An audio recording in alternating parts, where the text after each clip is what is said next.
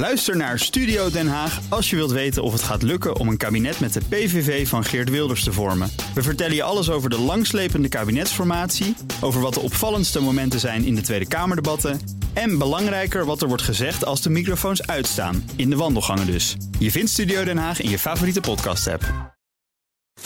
De column van Jaap Jansen. Voor binnenhofspindokters is het duiden van gemeenteraadsverkiezingen altijd een makkie.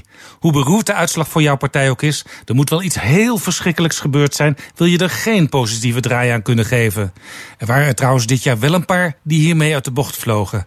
VVD-leider Mark Rutte toeterde op verkiezingsavond dat zijn partij op lokaal niveau misschien wel de grootste landelijke partij was geworden. Toen het stof was neergedaald, bleek zoals altijd het CDA de meeste zetels te hebben binnengesleept.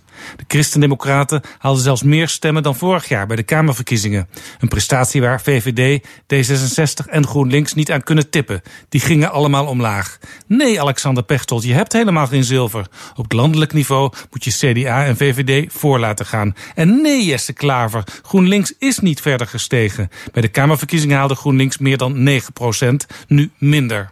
Gek genoeg was in procenten de grote winnaar de Partij van de Arbeid. Vorig jaar 5,7 procent en nu 7,3. Het is geen topprestatie, maar ik begrijp heel goed dat Lodewijk Asscher hier hoop uitput.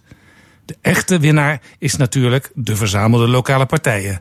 Een derde van de Nederlanders stemde op een club die niet in de Tweede Kamer zit.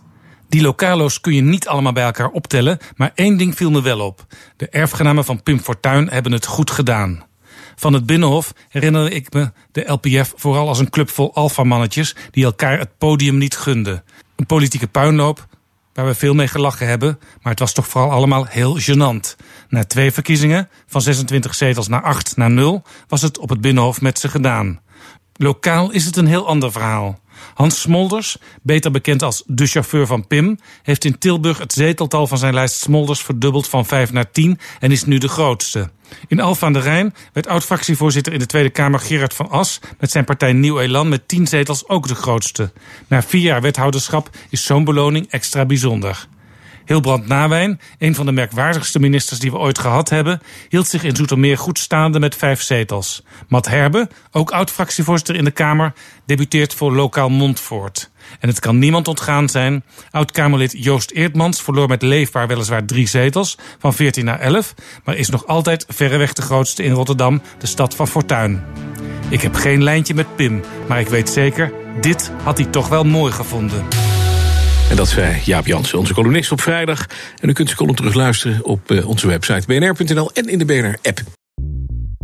Bij BNR ben je altijd als eerste op de hoogte van het laatste nieuws. Luister dagelijks live via internet. Bas van Werven. En heel langzaam komt de zon op rond dit tijdstip. Je krijgt inzicht in de dag die komt op BNR, het Binnenhof in Nederland en de rest van de wereld. De Ochtendspits. Voor de beste start van je werkdag. Blijf scherp en mis niets.